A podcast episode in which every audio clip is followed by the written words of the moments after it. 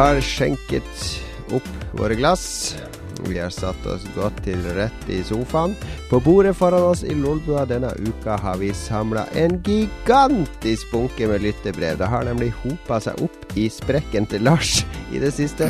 Eh, sprekken har gått tett av eh, brev som ikke har kommet gjennom sprekken. Jon Cato Lorentzen heter jeg. Jeg har aldri vært i sprekken til Lars, men Lars, du har nå tømt sprekken din. Sprekken. Sprekken si Deutsch. Bitte. Vi har fått mye lyttebrev som har hopa seg opp de siste ukene, er ikke det sant, Lars? Vi har liksom, Hver sending så har vi gått over tid og sagt ok, vi svarer på det neste gang. Så nå har vi sånn der uh, lyttebrev som spør om, uh, om hva jeg skal gjøre på Game Developers Conference og sånn, regner jeg med. Ja, ja. Om vi skal på retromesse og litt sånne ting. Ja, men ja, Hva vi det ønsker er oss til jul. Retro, Retromesse handler jo om fortida, så det passer bra å spørre, svare på det lenge etter retromesse har vært der. Det er sånn meta, metaaktig. Lars, i hvert fall heter du. Eh, Du er postmann her i, eh, i Lolbua. Og så har vi jo da vår teknisk uansvarlig, Magnus Yes. Tellefsen. Du er også med. Hallo, hallo. Kjent som uh, The Hacker. Hacker Tellefsen. The Hacker Nå ble det stille. Ja, jeg har ikke noe, jeg har ikke noe svar til det. Du er ikke så god, du er ikke så god når, vi, når vi bare slenger sånne ting fra sidelinja. Altså, det er sånn som fotballspiller som følger med rett foran seg, så kommer plutselig ballen fra sida rett i hodet hans. Og da, du da reagerer ikke instinktivt da. Det er bare Hæ, hva skjedde nå? Ja. Eh, det fortsetter å skje. Det fortsetter å skje. Improv er noe av det verste du vet, eh, har jeg hørt rykte om. Er det sant, Magnus? Ja, både og. Som teatersport og sånn. Ikke noe, eh, jeg ikke noe fan av det i de fleste former. I hvert fall ikke eh, lurt inn i en situasjon hvor det plutselig må skje av seg sjøl. Det er jeg ikke noe fornøyd med. Når du spilte Dungeons and Dragons i Kristiansand, eh, Ja. det var jo godt skjult. Du måtte, langt ut i skogen, ellers så kom jo bibelbeltefantastene og brant Dungeons and Dragons-bøkene og korsfesta dere. Eh, men dere klarte å spille det likevel. Var du alltid sånn kjedelig kar? Uansett om du var tyv eller fighter eller wizard, så var det liksom Magnus Tellefsen bak eh, rustninga eller roben. Ja, eller hadde sånn du litt sånn roller? Vittig at du spør om det, for jeg, jeg, gikk og snakka med Kristine om det i går, faktisk. Det, sa, det gikk opp for meg nylig at jeg aldri spilte rollespill som det var meninga å spille rollespill. Og Nei, nettopp. Du var bare Magnus som en wizard og Magnus Ja, ja. som en fighter. jeg, eller eh, For jeg, i MMO-er så er jo jeg, jeg, jeg han som troller. MMO, det var han jeg var da vi spilte rollespill. Han som hele tida, ja eh, Drev og tulla med spillet og prøvde å bryte de eh, rigide reglene satt opp av DM-en og Jeg vedder på at det satt en bebrilla Kristiansander ved det samme bordet og bare Skikkelig irritert over han der Magnus som hele tida skulle bryte den der fjerde veggen og, og ødelegge de vakre fantasybildene han lagde i hodet sitt med at Magnus sto og prompa med armhula over en drage og sånn. Ja, eh, det var, det var et par som ikke syntes det var så gøy å spille med meg. Men Ja. så var det noen som syntes det var ekstra gøy med bare noen som var innom og tulla. Men jeg Men måtte du- liksom rolle nye karakterer hver gang, for jeg mista alltid karakterene mine, de arkene og Ja, det, det er rart åssen sånn ofte skjer med den som kødder med Dungeon Masteren. Jon, du er jo, ja, du, du er jo ikke kjent for å kjøre det, det tighteste skipet på uh, rollespilling heller. Du tillater jo mye rare navn opp gjennom tida. Så husker jeg jo at det har vært uh, sånn her eh, Lydgen uh, og mye sånn her morsomme, rare. Og så har det vel bare blitt verre og verre. Folk driver og prøver seg når vi er på hytta og skal spille rollespill, så skal folk hete sånn herre eh, de, de prøver å stikke unna med de teiteste navnene, da. Det er jo bestandig morsomt. Se hva man får igjennom Ja. sensuren. Det er jo Det har blitt et sånn metaspill, det òg, ja. Men du er mer sånn Du er sånn skikkelig rollespiller, Lars. Du er helt motsatt av Magnus. Du er sånn som gjerne vil være en alkoholisert eh, pedofil dverg og sånn i Dungeons. Jo da, men eh, det bruker jo bestandig gå til helvete, for det skal jo bare én fyr til som bare drar det helt ut, og så havner det nede i søla bestandig, de her rollespillene, egentlig. Ja. Det gjør jo det. Men må, må rollespill Må en roleplaye i rollespill? Kommer an på gruppa, da. Kommer Ja. an på gruppa. Vi har eh, Sånn som i den gruppa vi spiller Dungeons men nå, så har vi jo Frank er kanskje mest erfarne der. Men han er også den mest sånn minmakser, altså den som optimaliserer ting og lærer seg bruddene i reglene.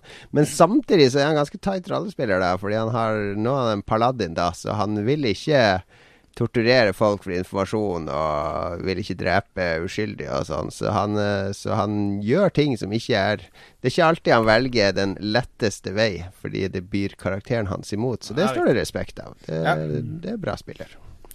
Absolutt. Absolutt. Det, er, det er nesten ingen rollespilling i Harstad. Det var en stund, men eh, så flytta Mats, og da mista vi liksom en av de faste som bestandig var med. Og så nå er det litt sånn her folk med unger som aldri har tid. Og det er veldig få som klarer det der du, Jon. Klarer med syv Ja. unger. Er det ikke syv unger du har nå? Og liksom Jo, har tid til rollespill og quiz og Vi får podkast. nå bare spilt sånn én gang i måneden cirka, men det har det alle syns det er gøy når vi først spiller. og Kjøre et tight ship der. Men nå sklir det helt ut der. Vi kommer ikke til å klare å svare på de 200 lyttebrevene hvis vi skal fortsette å prate om rollespill. Nei. Vi må selvfølgelig snakke litt om hva vi har gjort i det siste. Og eh, Magnus, jeg forstår det slik at uh, din uh, Bakelor er levert. Min Bakelor-oppgave er levert, ja. Den er i boks. Joho! Da spretter vi champagnen! Yes. Eh, ja, Lars, det du var vil ikke sprette noe champagne. Du syns det bare er dust at han er ferdig utdanna. Jeg er jo sånn her straight edge. Jeg drikker ikke Nei. og så videre. Det er champagnebrus, eh, Lars. Mm. Der er du med. Ja, Bris, ser du. Bris Bris med sponsa. Det er i hvert fall bubbly. Du har i hvert fall boblevann. Men det var deilig å levere den. En Ja, det var det. terskel eh, dør er lukka bak deg nå. Du har ikke fått uh, karakter ennå. Nei, nei, jeg begynner å få karakterer for eksamener og sånne ting nå neste Ja. uke. Og så er det i løpet av neste måned, og så ruller det inn forskjellige karakterer. Blant annet Ja. bachelorene. Så det blir spennende. Og hva gjør Magnus Tellefsen nå, da, til høsten? Er det rett inn i kassa på game? Det er rett inn i kassa på Rimi, jeg tenker jeg. Jeg vet ikke, faktisk. Jeg er litt spent på det. Jeg er litt spent på om jeg skal se på den utdannelsen jeg har tatt, som Altså at jeg, at jeg skal leide etter noe som bruker så mye som mulig av utdannelsen, eller om jeg skal ta det som at det liksom Det er noe jeg har vokst på, det er noe som har gitt en større innsikt i åssen generelle ting foregår, og kanskje det gjør meg bedre rusta i alle jobber. Og jeg vet ikke helt. Jeg skal, skal ut nå og leide litt og smiske med de riktige folkene og, og høre litt hva som beveger seg av, av ledige jobber for tida. Så jeg har allerede begynt å slenge ut noen følere, så vi får se hva som skjer. Det blir spennende i hvert fall. Men uh, nå er det først Første jeg gjorde i går, jeg sov fire timer. Den natta jeg satt oppe til seint, seint på kvelden, og jeg jobba 20 timer i strekk på oppgaven natt til i går. Og så eh, dro jeg på skolen, så leverte vi, og så dro jeg rett til byen og tok meg øl på Youngstorget. Og det var første øl jeg drakk på to måneder. På den første fridagen jeg har hatt på to måneder. Så var ganske deilig. Drakk to øl og gikk hjem og slukna fullstendig. så eh, det var deilig. Våkna opp og bare 100 kilo lettere, kjennes det som. Minus 100 kilo. 30 kilo. Det er jo livsfarlig. Ja, det, Ja, det er, jeg veier minus nå. Det er anoreksia rent sånn bekymrelsesmessig. Så nei, så i dag så har jeg bare gått og gjort sånn lure ting. Begynt å kjøpe inn litt lyspærer på ting som har gått, og liksom må sette leiligheten tilbake til null igjen da etter eh, et par måneder med forfall. I hvert fall én måned. vi, eh, kom jeg på, vi har ikke fått rapport på den der uh, Chili Claus sin uh, Ghost-pølse. Ja, riktig. Uh, ja, det var jo tre typer pølser med Ja. styrke henholdsvis to, fem og ni på Ja. Ja, men nå fant vi ut at, eh, at skalaen til Chili-Klaus gikk til 15, ikke til 10. ja, det har jeg skjønt. Ja. Så den niende de, de der to eh, Hva var det? Ghost pepper-pølsene. De, var- Mm. de var sånn små spicy. De var veldig gode. De var, Ja. Det var de. De to andre ble litt sånn tamme. Så det var Jeg syns det er litt rart at eh, når det er sånn Chili Claus-ting og sånn, at ikke de i hvert fall lager noen av de der psyko-sterke greiene. Jeg tror på de kunne solgt det ut gjennom hele sommeren som sånne der Dares til folk som skal Som drikker øl i parken. Og, Ja, og sånn. men, men jeg trodde jo du hadde vært på noe sånn der eh, pent sted på mathallen og kjøpt det. Ja, jeg fant det også i, i, i eh, Jeg det grilldisken til Rema. Og når det er Gilde og Rema involvert, så sier det seg jo sjøl at det, det det kan ikke være for sterkt. Vi Ja, kan ikke er risikere at kunder kommer og klager. Det, det er det som er så tullete, da. Men, men jeg, tror, jeg tror det er et stort marked for de der selvhaterne til at, eh, at, det, at det hadde vært en kul sånn gimmick å lansere. I hvert fall hvis det bare er Rema 1000 og sånne ting. Jeg hadde kjøpt det. Ja. Ja, men den eh, falt i smak, i hvert fall, den nieren. Ja, absolutt. Eh, Alle var egentlig ganske gode, men, mm. men den der eh, styrke 9, den- vindstyrke 9, den var ganske digg. Nice. Satt jeg der og grein og spiste pølser og drakk brus på mens alle andre var ute på 17. mai. Det er bra. Det er bra. Ja. Er, det, noe du har reagert på altså, du vil ta opp, bortsett fra pølsa? Nei, jeg har, jeg har bare gått rundt med et stort smil, egentlig, siden jeg leverte den oppgaven, og brydd meg så lite som mulig om verden. Er det sånn at verden smiler tilbake til deg når du smiler? Nei, det føler jeg ikke i det hele tatt. Jeg, What? hatt, eh, jeg føler mange folk som har, eh, har stirra surt på meg da. Jeg vet ikke helt Jeg tør i hvert fall ikke å smile tilbake til menn som smiler til meg. Det, jeg blir Å, redd. Blir du redd for det? Ja, hvis Men- du hadde kommet bort med Hvis du hadde stått med et stort glis og stirra på meg på T-banen, så hadde jeg jo syntes det var litt ukomfortabelt. Ja, det er jeg enig i. Nei da. Jeg, jeg har nok ikke gått og glist, men eh, Men eh, nei, sola skinner, det er 29 grader ute i dag, og det har vært en Vært ute og spist middag med kjæresten min, som jeg nesten ikke har sett på lenge, og ja. Jeg har bare kost meg. Så nei, beklager, jeg har ingenting jeg er sint for i dag. Jeg skal komme dobbelt så hardt tilbake neste uke. Det er bra. Vi skal eh, Jeg skal klage litt på der lydteknikken, så hisser du deg fort opp. Eh, apropos Apropos smile, er det noe å smile av i Harstad for tida, Lars? Jeg så du hadde en uh, spenstig nyhet i Harstad-tiden her om dagen om uh, en mann uten sko. Ja, Oi. ja, ja, ja.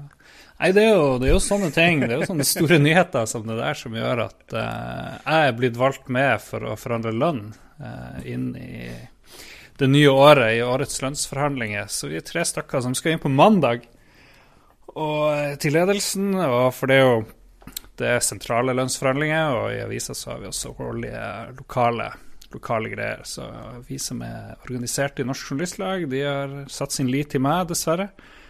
Og et par andre. Hvorfor det? Så ja, det kan du godt spørre. Så jeg tenkte dere kunne komme med noen gode tips og råd. Jeg kan liksom late som at dere er ledelsen i, eh, i Harstad Tine, da. Og Ja. så sitter jeg der og, sammen med de andre og så skal Ja, ok, da kan jeg begynne. Eh, det sitter en hel haug med bloggere som gjerne vil skrive gratis for oss. Hvorfor i helvete skal vi betale dere mer? Nei, jeg har bare lyst på litt mer penger. Kan ikke du bare være litt grei, liksom? Altså, det, vi kan få to ape, tre apegater som kan produsere fem ganger mer enn det for en pose bananer. Eh, jobben din er jo bare å skaffe trafikk, mann. Det er veldig slitsomt å stå opp om morgenen ofte og komme seg på jobb. Jeg syns det er verdt mer enn det jeg får, da, og det de andre får. Syns nå jeg, da. du, er det du får betalt for eh, å stå opp tidlig om morgenen? Jeg får jo betalt, men jeg kan jo gå på Nav. Jeg kan jo bli arbeidsledig. Det, Ja, det er møteplikt nå på Nav, vet du, med Frp. det. Ja, men da Er gidder jeg ikke si opp. på, møteplikt på jobben din? Da gidder jeg ikke å si opp, fordi jeg kan jo komme for seint, og det, det kan jeg sikkert ikke på Nav. Da blir det sikkert sånn avkortning i utbetalingen. Det gjør nok det. Ja, Jeg står så... på å kreve mer lønn, men Ja, eh, det, de har jo ikke noe å gi det, så det blir Ja, hva dere syns om min, eh, min performance? Blir det store lønnshopp? Ja, jeg syns du virka kjempeselvsikker, og, og det virka som du visste Ja. godt hva du snakka om, og hva, at du visste det. At du Mm. satt på, på informasjonen og, og eh, moralen, i hvert fall. Ja, så tenkte jeg å ta med noe sånn her om at ja, vi støtter veldig opp om bedriftens, eh, bedriftens eh, mål, strategiske mål. Hva er det? Nei, og, og vi har sånn slagord, det er jo awesome. Eh, Har dere det? Har dere? Ja, fortell. eh, Eller vi har sånn her eh, Misjon. eh, misjon, eller vi har en sånn Det kalles mover, og så står liksom M-O-V-E-R E for Oi. ulike sånne mål mål og ideer. Så, så jeg syns jo det er litt morsomt, da. Så, så, en eller annen gang så har jeg tenkt å bytte ut M-en i Mover med L. Uh, ah, som er lover. Ja, så det står for mål og visjoner er lik resultater. Hadde jeg hatt, hadde hatt en sånn sjef på sånn helgekurs som kommer tilbake og bare 'Nå vet jeg åssen vi skal gjøre det'. Ja, men jeg føler det er viktig å ha sånne bokstaver. da. Det motiverer ja. veldig arbeiderne. Har dere, sånn, uh, har dere sånn navn på, på, forskjellige møterom og kontorer og sånne ting hos dere? At ett heter liksom sånn ydmykhet og ambisjon og kreativitet og sånne ting? Nei, vi har linken. Det er liksom der vi samles, da. Vi samles på linken. Jeg vet ikke helt bakgrunnen Nei, ikke, for det. Jeg snakker om sånne navn som liksom ja. skal gi inspirasjon. De, det kan gjerne være inspirasjon også. Det kuleste er jo det der på bygget på Fornebu. Jeg vet ikke om det er Telenor eller hvem som har det, hvor det kommer sånne enorme sånne diktatoriske setninger. Ja, det er Telenor. Det, har vært, det er veldig kult. Jeg har veldig lyst til å hacke den enorme scrollteksten der oppe. Det hadde vært kult. Men hva, når, når Lolbua får sitt eget corp, corporate headquarter, fem etasjer ja. midt nede i Barcode, hva skal vi kalle møterommene våre? Eh, det er et godt mm. spørsmål. Ja. Um, det må hete desperasjon, uh, tristhet og ja. ja. For det blir egentlig For vi er jo egentlig da i galehus når vi tror vi er i det barcode med Lolcorp. Ja, riktig, riktig. Ja, vi skal inn i Barcode en gang i fremtida. Ja, nei, men uh, lykke til med lønnsforhandlinger. Uh, Her er det bare å stå på krava. Så får dere gå ut i streik, sånn at det blir demonstrasjonstog i Harstad blant HT-lesere som, uh, som, kommer med fakler og, og tramper. Vi har ikke lov å gå til streik, det er bare i sentrale forhandlinger. Ja, det det? Ja, så vi kan Det har vært byline-nekt, nekta navnet på saken. Det har ja, skjedd tid. Det, det, det raset det raser inn Hvem har skrevet om denne katten med syv Hvem er det som har skrevet denne saken? Jeg forlanger å få vite det. Man fyren uten sko. Ja, dette må jeg vite. Den Anna som hjalp alle ungene over veien, over motorveien. Hvem har skrevet det? Hvem er kilden? det må være hva, hva, slags aksjonsform er det? da? Kan ikke alle ha vokalnekt, at dere skriver alle saker uten vokaler?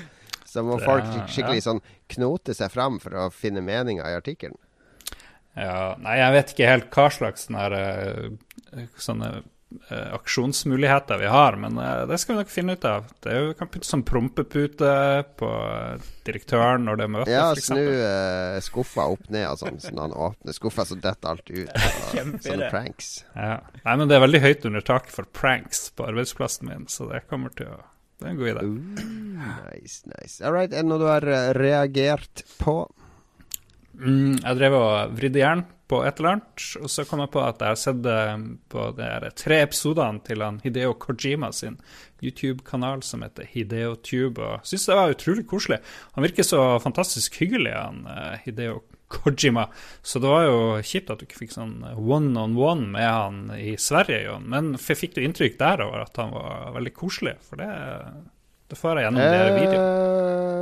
Ja, han hadde jo sitt gameface på i Sverige, men jeg har uh, andre kilder i mm. Konami som har litt uh, mer Uh, det, er ikke, det, er mange som har jobba for Kojima, som aldri mer vil jobbe ja, for Kojima. Har jeg også, si sånn. han, han, er sånn der uh, autist-creator som uh, tror mm. tramper lett på folk. Ok, okay. Ja, men Jeg anbefaler Så, folk å se den der ja. YouTube-kanalen hans, for han Alt er tekster på engelsk. da Det er Han samarbeider med YouTube i Japan, virker det som. Mm. Første sendinga handler bare om de topp ti filmene hans fra 2015, hvor han snakker om sånne eh, masse forskjellige ting. Mye gode tips på japanske filmer. En jeg noterte meg, det er den her 'Journey to the Shore', som vant nå i Cannes i fjor. Så den har jeg tenkt å se om en sånn herre dame som får mannen sin tilbake etter han var borte. Eller han døde for tre år siden, men han bare dukker opp og er i live og er med han rundt omkring, og alle kan se han. Men så begynner og faller fra hverandre og sånt. Det virka utrolig bra. Mm. Så jeg skal notere meg flere filmer fra han Hideo. Det er jo litt morsomt at hans egen YouTube-kanal ikke handler om spill, stort sett, men to av tre episoder ja, men det er, det film. han sa i, i Sverige òg, at han leser bøker og ser film. Han spiller jo ikke spill. Mm. Det er akkurat som spillerne sine. Det er to tredjedeler film. Ja, de er jo så fulle av referanser til all mulig eh, Ja. litteratur og filmer òg, så, jeg er veldig opptatt av det. Ja, nei, men uh, sjekk ut Hideotube. Uh, ikke, ikke RedTube, men Hideotube. Uh, vi skal til Til deg, jo. Ja, meg, ja. Jeg har Jeg måtte vri hjernen litt. Ja, Nå kom jeg for så vidt på Eh, ja, jeg, jeg har lest en bok. jeg Oi. leser bøker av og til. Men jeg har en sånn der um, uh, det, kan, det kan ikke kalle det en fetisj. Men jeg har en sånn interesse for alle spillutviklere fra gamle dager. Altså uh, Eugene Jarvis og alle 80-tallsfolka. Spesielt Commodore 64-folk. Du har jo den dokumentaren 'From Bedrooms to Millionaires', eller hva den heter. Den som du fant på Netflix, Lars. Eh, Som søker opp mange av de gamle heltene mine. Og jeg prøver å følge mange av de i dag fortsatt, eh, sånn som Gary Penn og Julian Rignall, gamle Zapp-folk og gamle spillfolk. Og eh, en dude oppdaga han Fergus McNeil, som er en engelskmann som Han lagde masse teksteventyr for eh, CRL. Fortalte jeg det her forrige gang? Jeg husker ikke. Nei, jeg tror ikke det. Han lagde masse teksteventyr for CRL, sånn som uh, The Boggit, som var en parodi på The Hobbit, og Board of the Rings, som, som Ja, dere skjønner. Uh, han lagde også et Discworld-eventyr, tror jeg, og noen uh, egne eventyr. Og de fleste var liksom parodiaktige. Det var Colossal Cave Adventure, som var liksom en parodi på adventure. Det, det hadde en fantastisk Det skjønte ikke jeg. Jeg elska eventyrspill da jeg var liten, så jeg skjønte ikke alle pønsene og humoren her. Det ene var f.eks. en okse. En sint okse som sto på en vei, og så måtte du gjemme deg i busken.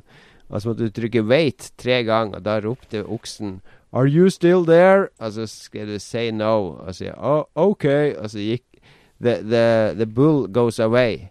It was gullible. og det, det skjønte jo ikke jeg Når jeg var liten. Da. Jeg bare var glad for at han gikk bort, da. Men det var, det var sånn humor han Fergus hadde. Og han nå, han er krimbokforfatter, da. Yes. Så han har gitt ut uh, tre krimbøker der den første heter Eye Contact. Det er sånn typisk britisk krim, da, med sånn der uh, politietterforsker, og denne gangen er det en massemorder som eh, Agendaen til massemorderen er at når, det, når han skal ha sånn draps Når han skal drepe noen nye, da, altså når klokka er tolv på formiddagen, så sitter, setter han seg på en benk. Altså når klokka blir tolv, så åpner han øynene, og så sitter han og ser rundt seg på folk, og den første han får øyekontakt med, den skal dø. Og så gir han det offeret 24 timer, da. Og så kommer han tilbake 24 timer senere. Da skal han prøve å finne ut hvor er det offeret bor, hvor jobber det, osv. Og så hvis han klarer å finne det, så tar han livet av de. Så det, det er ganske eh, Det er veldig sånn standard krim, da. Det er ikke sånn der ekstrem i noen retning, men det er sånn, sånn veldig velskrevet og hyggelig lesning, og sånn som jeg garantert vil være påskekrim på NRK om seks-syv år, når BBC eller noen har filmatisert bokserien. Mm. Så eh, jeg, jeg syns det er gøy at, at sånn gamle spillfolk fortsatt eh, eh, er kreative, da. Eh, Mm. Innen andre felter. Han var veldig flink å skrive i teksteventyrene. Eh, Fergus McNeil, Eye Contact, får det på Kindle til en billig penge. Fett. Sjekk ut. Og det jeg har reagert på, det er den den der gorillaen som, som prøvde å drepe den ungen, og, så, og som ble skutt. Og at det er sånn underskriftskampanje med én milliard underskrifter som skal liksom eh, Jeg vet ikke hva du ville oppnå. Hva skulle du gjort? Skulle, skulle, skulle, hadde han drept den ungen, tror du gorillaen hadde fått leve da? Men uh, er du sikker på at gorillaen ville drepe ungen? Kanskje den bare drev og skulle beskytte den? Han drev bare og lekte med ungen, men det er jo som en unge som driver og leker med en flue. Altså, det, det er ikke så trygt for flua, liksom. Nei, det er ikke det. Men de underskriftsfolkene de vil vel ha sånn erstatning fra foreldrene, eller et eller annet sånt? For den Jo, men eh, det er jo typisk folk som ikke har unger sjøl. Du vet at det skal ikke mer enn to sekunder til før at en av ungene mine har klatra på taket. Hvis jeg snur meg bort i to sekunder. Uh, og en dyrepark bør strengt tatt eh, Det bør ikke være mulig å klatre inn i løve- eller gorillaburet. Har du vurdert om ungene dine er superhelter? Fordi det å to sekunder komme seg opp på taket, det er Jeg tror Trym er en superhelt, fordi Trym han kan, eh, han kan komme seg opp i alt. Han driver og klatrer opp i lyktestolpene utenfor huset her nå, så han, går, han klarer å klatre sånn fra bakken og opp med bare hender og føtter, trenger han sånn fem sekunder på å klatre fem meter opp i lufta.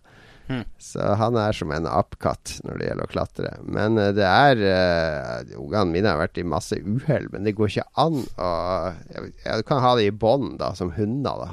Det, mm. da, da, kanskje jeg hadde klart å Hvorfor, har du ikke, hvorfor er det ikke båndtvang på barn, egentlig, i dyrepark?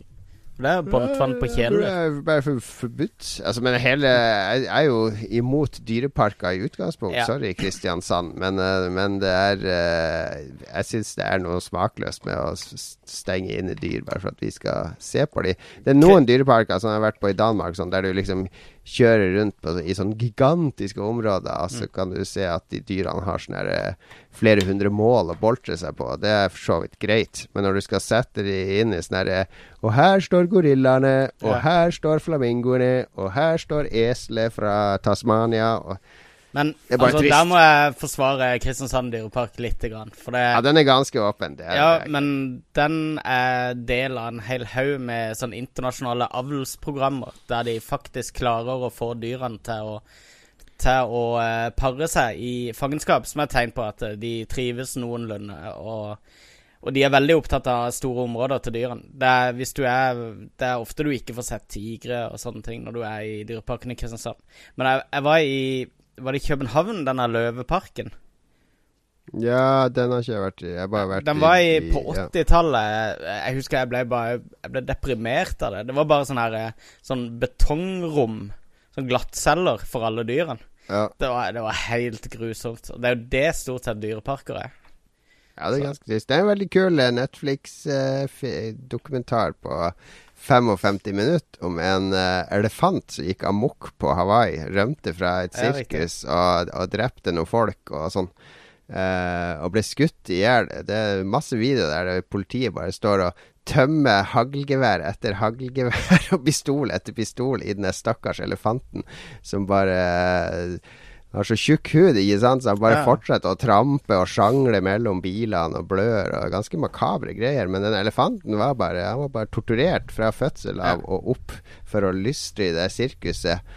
Og, og, så snakker de med de dyrepasserne hans som har hatt han opp gjennom årene, hvor han hadde sånn mean streak og mm. en sånn der eh, Ja, den er ganske drøy. Den fikk meg aldri mer se elefant i sirkus, fant jeg ut av. Jeg syns uh, Rick Gervais er pretensiøs douchebag, men jeg er enig med han når han sier at uh, i situasjoner hvor det er dyr mot menneske, og dyret er holdt i fangenskap, så heier han alltid på dyret. Så du ville at den ungen skulle bli drept? Du, du Nei, men, gorillaen? Ja, men føler du det var akkurat det scenarioet! føler du det var ungen mot gorillaen? Var det en versus match du, du føler det var? Nei, det, det var, var Kommer gorillaen til å drepe ungen eller ikke? Nei, det vil jo ikke. Jeg gorillaen vil jo leke og gjøre det som er naturlig for han, men eh, du, du må jo skyte gorillaen ja, for å redde Definitivt. Barn. definitivt. Men nå tenkte jeg mer på sånn som tyrefekting og sånne ja, ja. andre situasjoner hvor en liksom utfordrer dyr på sine egne premisser. da Så det er helt greit. Man kunne jo skutt, man kunne jo skutt den i armene, da, ikke sant? så kunne en ikke ha gjort noe med ungen. Det er, ja, men uh, en må jo spørre òg, ikke sant. Altså uh, det, Hvorfor skjøt de gorillaen liksom i ettertid, da? Eller ble han ikke avliva i ettertid? Nei, han ble skutt mens han hadde ungen, fordi ah, de skulle okay. først prøve sånn tranquilizers, men det ville ta for lang tid. Det tar, uh, kunne ta sånn fem-seks minutter før det virka. Ja, ja. Og da kunne han jo ha drukna den ungen før, før, den tid. Helt Så. fair å skyte gorillaen da. Det syns jeg. Det eneste der jeg heier på mennesket, det er når det er sånn kenguruboksing. Menneske mot kenguru. For der stiller de ganske likt. Der føler du det er ganske likt? Ja, det skal jeg gjerne se. Det er helt slutt med sånn kenguruboksing. Det er eneste Jeg lurer på hvorfor det er slutt. de, må, de må sparke noe sinnssykt hardt. Da. Det var sikkert fordi et menneske ble drept at det ble slutt på det. Og så avliva de kenguruen fordi det drepte mennesker.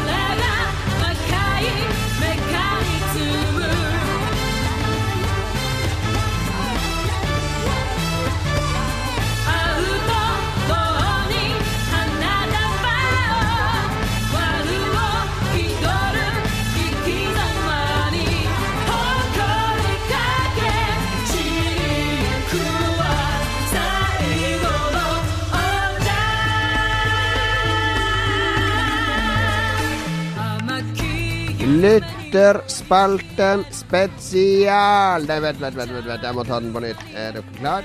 Mhm. Lytterspalten spesial. Høy, høy, høy. Var det ekko der? Nei, det ble sånn DJ-ting. Nå kommer nå kommer det. nå kommer. Lytterspalten spesial. Ble det ekko? Det er bare jævlig irriterende, det er ekko. OK, OK.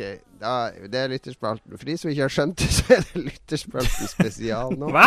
Eh, vi, hva, det betyr at eh, vi skal slippe til lytterne med alle de dumme spørsmålene deres. Nei da, det er fine spørsmål. Det var dere som Har vi fått noen reaksjoner? Fordi dere var jo Dere tok jo en sånn rant på slutten av forrige sending der dere eh, eh, skjelte ut lytterne våre. Det var akkurat som som når uh, George Bush tror at mikrofonen ikke er på, og så sier de ja, 'he's an asshole'. Uh, big time. Og han og han Ja, men vi, vi jeg, jeg føler ikke vi la så veldig mye imellom. Nei, det var ganske Det var ikke Det var med intensjon, føler jeg, føler jeg vi kan si. Men eh, nei da, det var jo bare et, et litt eh, passiv-aggressivt forsøk på å generere litt mer aktivitet på eh, feedbacken på iTunes. Trolling på godt norsk. Ja, det, det ble nå i hvert fall Ja. Det ble én ekstra omtale. Det ble det. Så jeg vil, ikke kalle det en, jeg vil ikke kalle det en sykt uh, Sykt vellykka aksjon. Nei, Nei. veldig lite. Det ble sånn som 36,9 eller hva det enn det var fra Torbjørn Jagland under det valget en gang. Ja, riktig.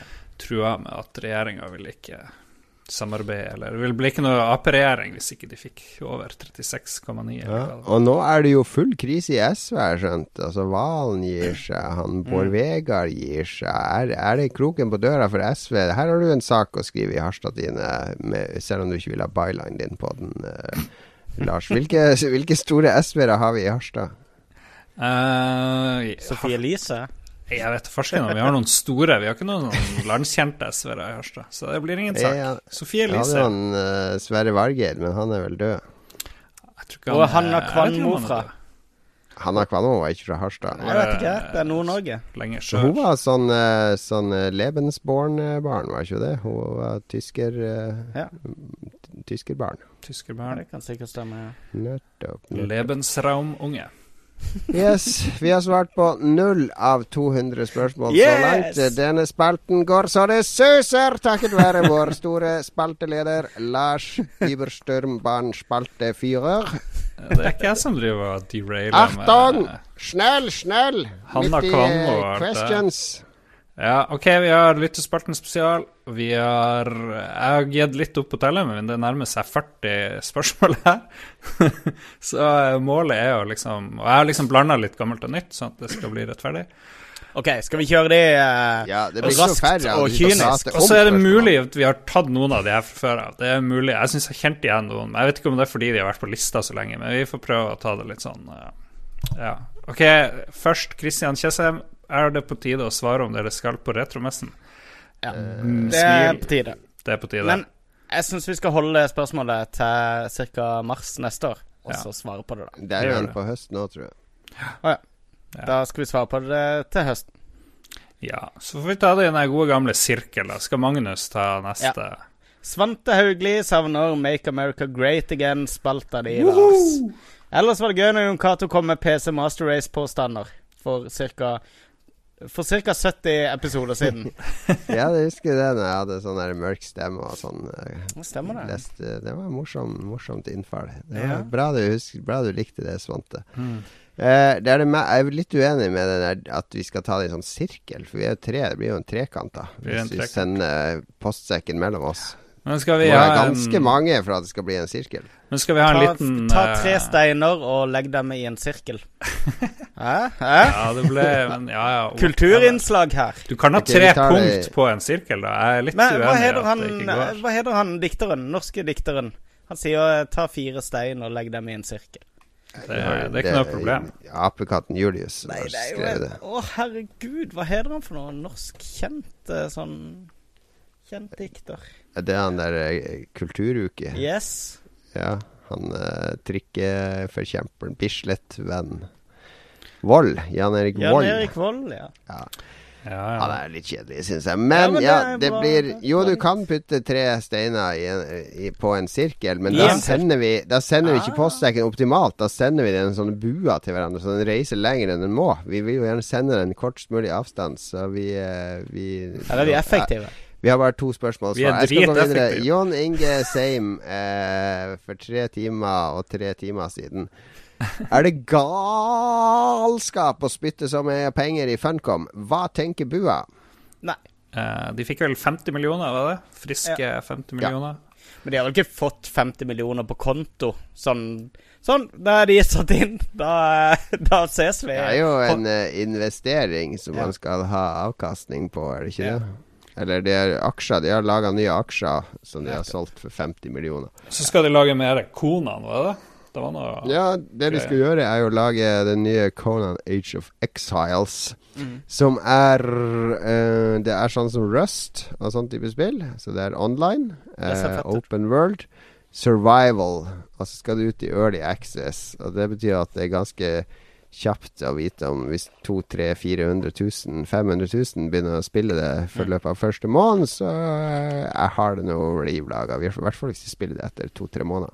Jeg, jeg snakka med en fyr, han bruker å investere litt i aksjer. Han sa sist gang Funcom drev og skulle lansere spill, så kjøpte han aksjer før lanseringa, og så solgte han med en gang etterpå, for da regna han med at aksjekursen gikk ned. Så jeg vet ikke om det blir å skje denne gangen òg, men eh, ja, det er jo sånn det har vært litt for fant Ja, det kommer, kommer kanskje litt an på hardt de trykker på hype-knappen eh, før lansering. De, de var jo ganske ivrige før eh, Age of Conan med å bygge det opp frem til folk begynte å se det.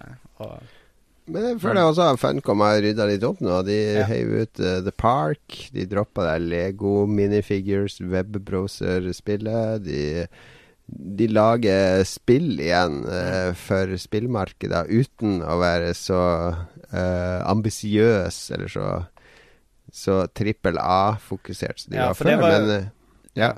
Konaen ser smashing ut, i hvert fall sammenligna med, med Rust og de Mm. tingene der, som, som er veldig sånn der eh, Det er litt sånn der kjipe animasjoner og kjip grafikk, og du ser at det er sånn mod-community-spill, mens kona blir liksom samme type spill, bare med det som ligner på Triple A-grafikk, ikke sant. Så, så vi får se åssen det, det- det, har troa på det her. Mer troa på det her enn jeg hadde på mange tidligere Funcom-prosjekt. og det er jo sånn Er det ikke sånn survival Det er sånn vanlig survival-spill, er det ikke det? Sånn som Ja, sånn du må liksom uh, Jeg regner med du starter nesten du, Alle er barbarer, sikkert, ikke ja, sant? ja, ikke sant? Starte nesten naken, og så må du lage våpen, og du må felle dyr for å få skinnfeller til Ja. rustning og klær, og du må fange mat, og du må bygge shelter. Alle de spillene skal jo ha deg til å bygge shelter, så du må beskytte dem, og gjerne gå sammen i en klan osv. så videre. Så, så det burde sikkert Det funker sikkert helt kjempefint. Det er jo helt Ark. Det er et dødsbra utgangspunkt å bruke den Konan-settinga på det. For det, Ja, ja, det er jo hele greia med Konan er jo at han er en loner, ikke sant. Så hvis folk har lyst til å roleplaye den type barbarer, da, så er det å for det meste slite rundt i ørkenen og prøve å overleve, og inniblant inngå sånn midlertidige allianser som Ja. kan gå feil vei. Og nå har jeg oppsummert 90% av alle Konan-historier som Gi de noensinne er penger. Jeg skal kjøpe meg en i Early Access, det lover jeg. Jeg syns Ja, de burde heller lage spill basert på f.eks. han eh, eh, David Letterman, f.eks., i stedet for Konan. For han Ja. er Han er ikke så stor.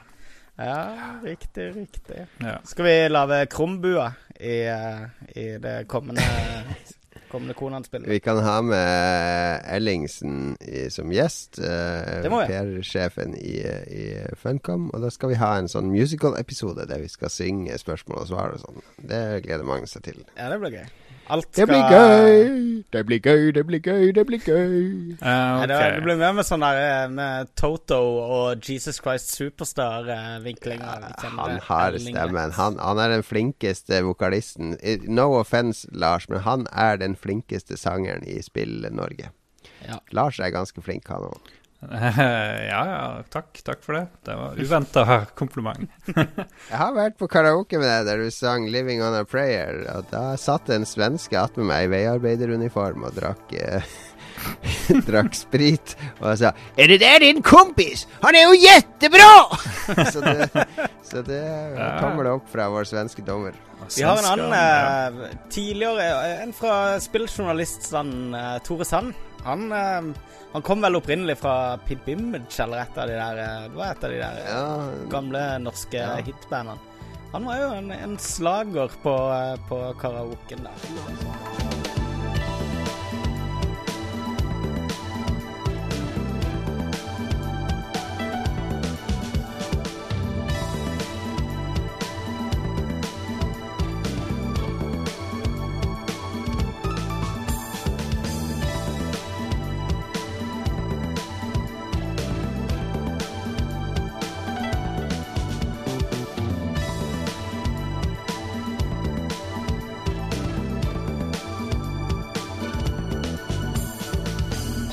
Niklas Paulsen han vil ha E3-prediksjoner, og han mansplainer at prediksjon betyr gjetning. For de som ikke er så glad i låneord, uttrykksgående tang. Er du Eh, glad du kunne bruke mansplain i en det er første gang jeg har brukt uh, Ja, ja, ja. ordet ever i mitt liv. Eh, Niklas Paulsen vil ha E3-spådommer, og han tror at Microsoft, Nintendo og Sonic kommer til å lansere nye hjemmekonsoller.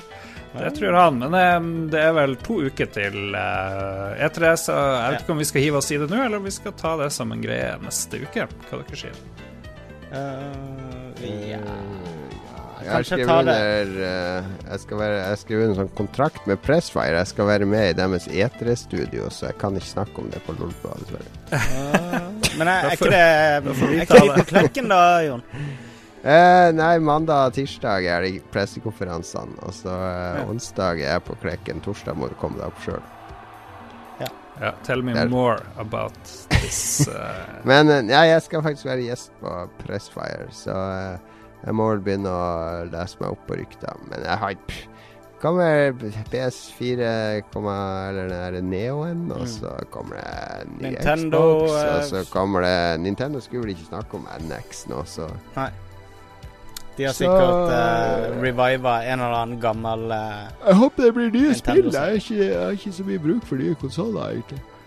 Nei. Det blir nok, eh, blir nok noe mer Last Guardian, tipper jeg. Tror det. Jeg tror Ja, det, skal komme og... det skal komme i år, Last Guardian, faktisk. Han sa det nå nylig, at det faktisk er i rute for i år. Han.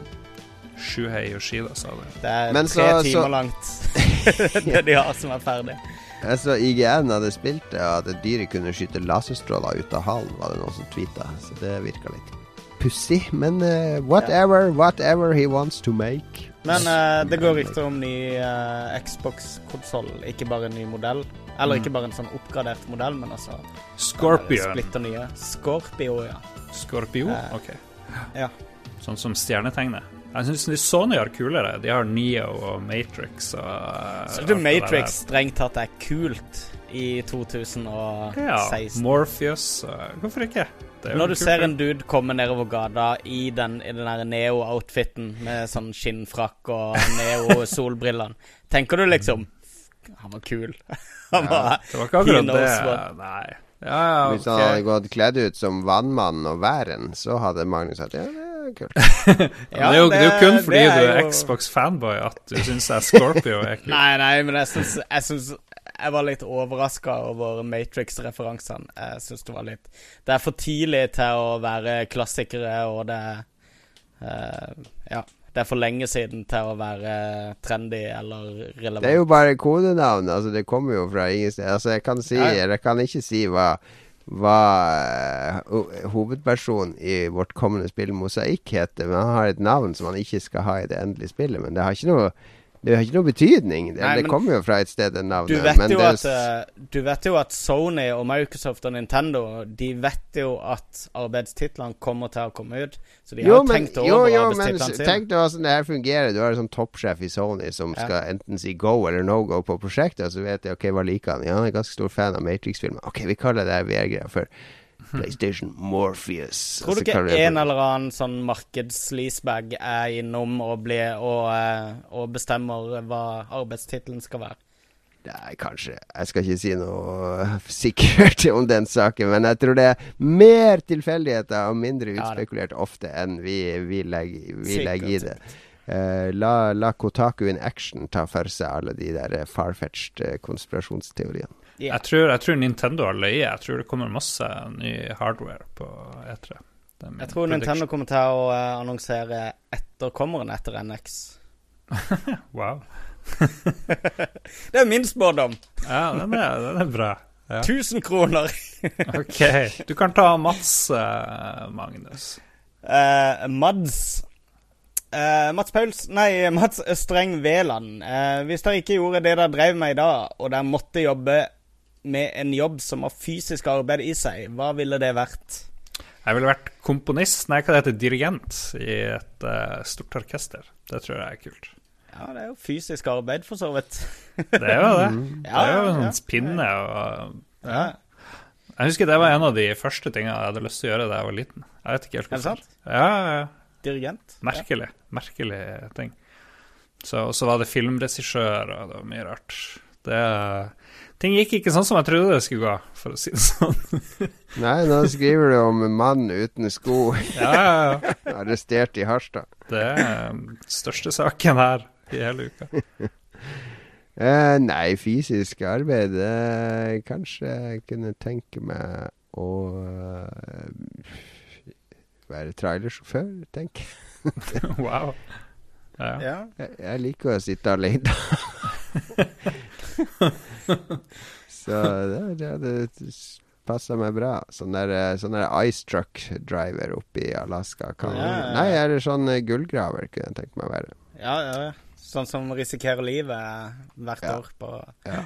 Nei, jeg har alltid likt fysisk arbeid. Det er en sånn kul av eh, Hva skal jeg si En sånn pause fra tenkejobber. Så er det gøy å gjøre fysisk arbeid. Jeg kunne tatt hva som helst. Er happy uansett, bare det ikke inneholder avføring. Fluffer. Fluffer. Så Fluffer kunne fint ha jobba som det er null stress. Dyrehagen i Kristiansand går rett ut da, egentlig. Ja, ja, kanskje. Kanskje. Nei da. Men uh, jeg vet ikke. Fysisk arbeid, hva skulle det vært? Jeg har jobba som rigger i, uh, på Tikvartfestivalener. Har jeg Ja, jobba på hovedscenen. Rody, Roadie, roadie. Du har vært perfekt roadie. Ja, ikke sant. Det er jo bare en, eh, en forlengelse av det, så det kunne jeg kanskje jobba med. Det er en gøy jobb å drive med. Morsomt. Ja, nei, er lokomotivfører, selvfølgelig. Det er drømmen min. Da får du ha gevær, gevær med på jobben og alt.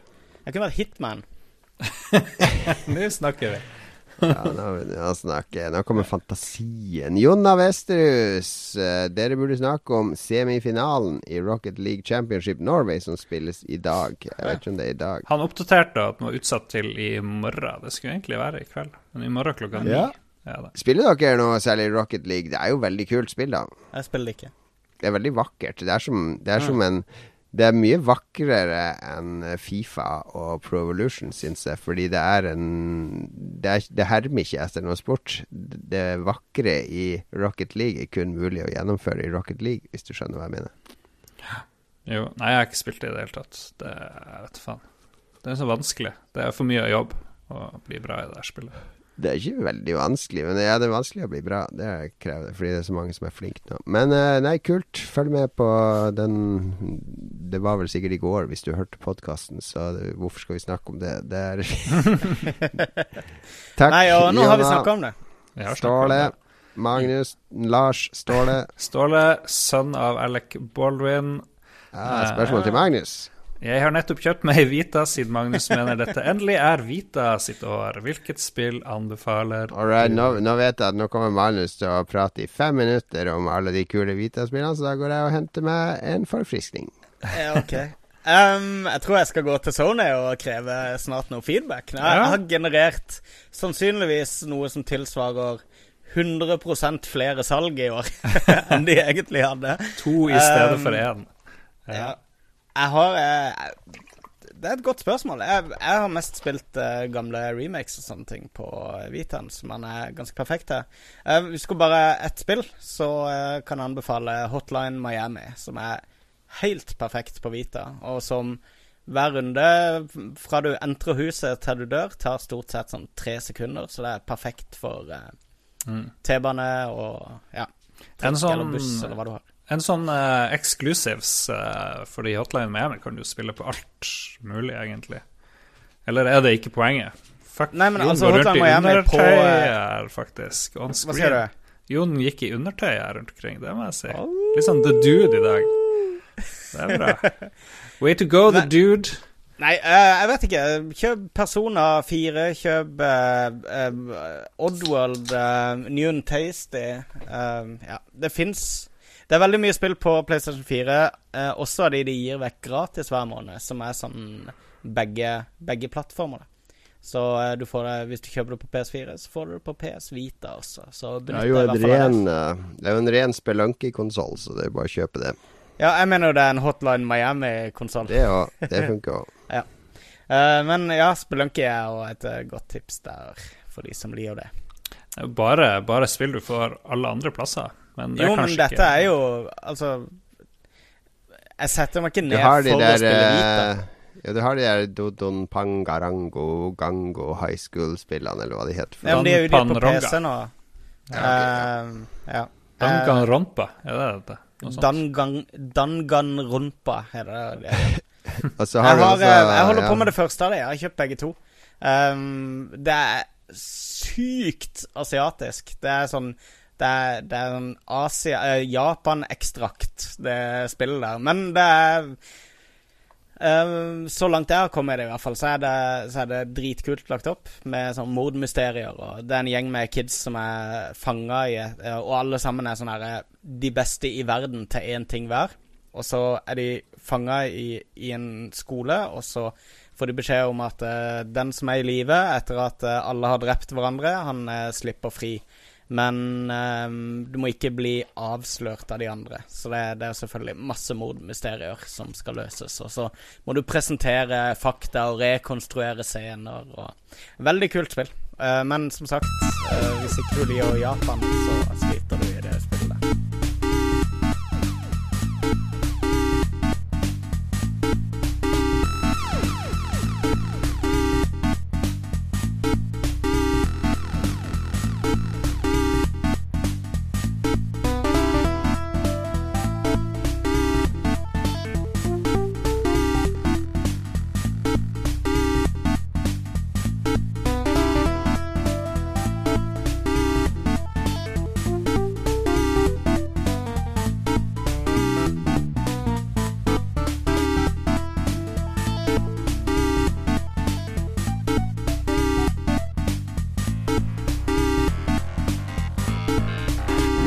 Er eh, t- Tore Er det meg nå? Jeg har mistet Ja, det er kanskje min tur nå, hæ? Uh, Ja, det er det. ja, Ta det er Tore. Tore Karlsen. Eller vil du lese det, Jon Cato, Nei, om du må, du må lese det, for jeg vil gjerne høre, høre at du elsker meg. Jeg, jeg Magnus Tellefsen. Elsker Ja. Jon Catos skråblikk på spillindustrien i gamle Trollolol-spalta på Oi, VGTV. oi, oi. Ja. Blir veldig glad om Jon Cato drar en lol-trollolol-bua. Uh. Altså, det var Tore Karlsen, det var ikke Magnus Tellefsen som sa Nei, men det, det er godt å høre. Det var veldig morsom spalte å lage. Uh, uh, ja, den er uh, Jeg håper jo at det vi snakker om her, er inne, innenfor det som den spalten handler om. Altså, vi tar jo opp Vi har jo meninger og tar opp ting og alt Ja. mulig sånn her òg. Så, uh, men jeg må lage egen spalte. Egentlig, jeg, jeg lager noen gang når inspirasjonen kommer over, men det er mer eh, humoristisk, kanskje, innfall her og der. Så det blir nok ikke noe mer enn det, dessverre, Tore. Jeg husker vi jobba med et, um, et uh, TV-konsept for veldig mange år siden, Jon. Husker du det? Da, da du, Ja. du skulle ha rollen som en slags sånn Du, du ønska denne Andy Rooney fra 60 Minutes. Er det ikke Andy Rooney? Ja, det er Jo. jo den uh, Trollololo er basert på Nettopp. Andy Rooney. Det var, og når du begynte på den uh, Trollolol-greia, så, uh, så uh, Bidan kom på plass. Selvfølgelig. Der fikk du spalta du hadde ønska deg så lenge. Oppfylt. Så det- Alle, alle drømmene mine har gått i oppfyllelse, så jeg vet ikke helt hva jeg skal gjøre nå etter 40. Nei, bare ta livet av det. Egentlig. Egentlig. Øystein Dahl, eh, Lars. Nei, nå er det du, Jon. Er du med nå? Ja, Ja, ok, jeg er. Øystein Dahl. Eh, eh, hvilken bydel i Kristiansand er best, Magnus? Du kan si Åssen. Åssen bydel i Kristiansand er best? uh, jeg kommer fra Voiebyen, men uh, jeg har ingen er det også stavet det? Voiebyen. V-O-I-E. Er det den uh, Nora Brogstedt sang om i Grand Prix? Den? Voi, voi, voiebyen, voi, voi. Uh, Voiebyen er en bydel hvor uh, alle gatenavn har maritimt tema. Jeg jeg vokste opp i Mesanveien, som er et seil på ei skute. Mesan? Mesanseilet, ja. Det er det, der, okay. det minste seilet på, på ei seilskute. Er det Rorbuveien der? Nei, det var ikke noe rorbuvei i det hele tatt. Men det var Skonnertvei og Kuttervei og Briggvei og Drakevei og ja, masse forskjellig. Fullriggervei. Um, men selv om jeg kommer derfra, så tror jeg kanskje jeg ikke har lyst til å si at det er den beste, beste delen av Kristiansand. Nei, sjelden, uh, sjelden der man vokser opp som er best, ja.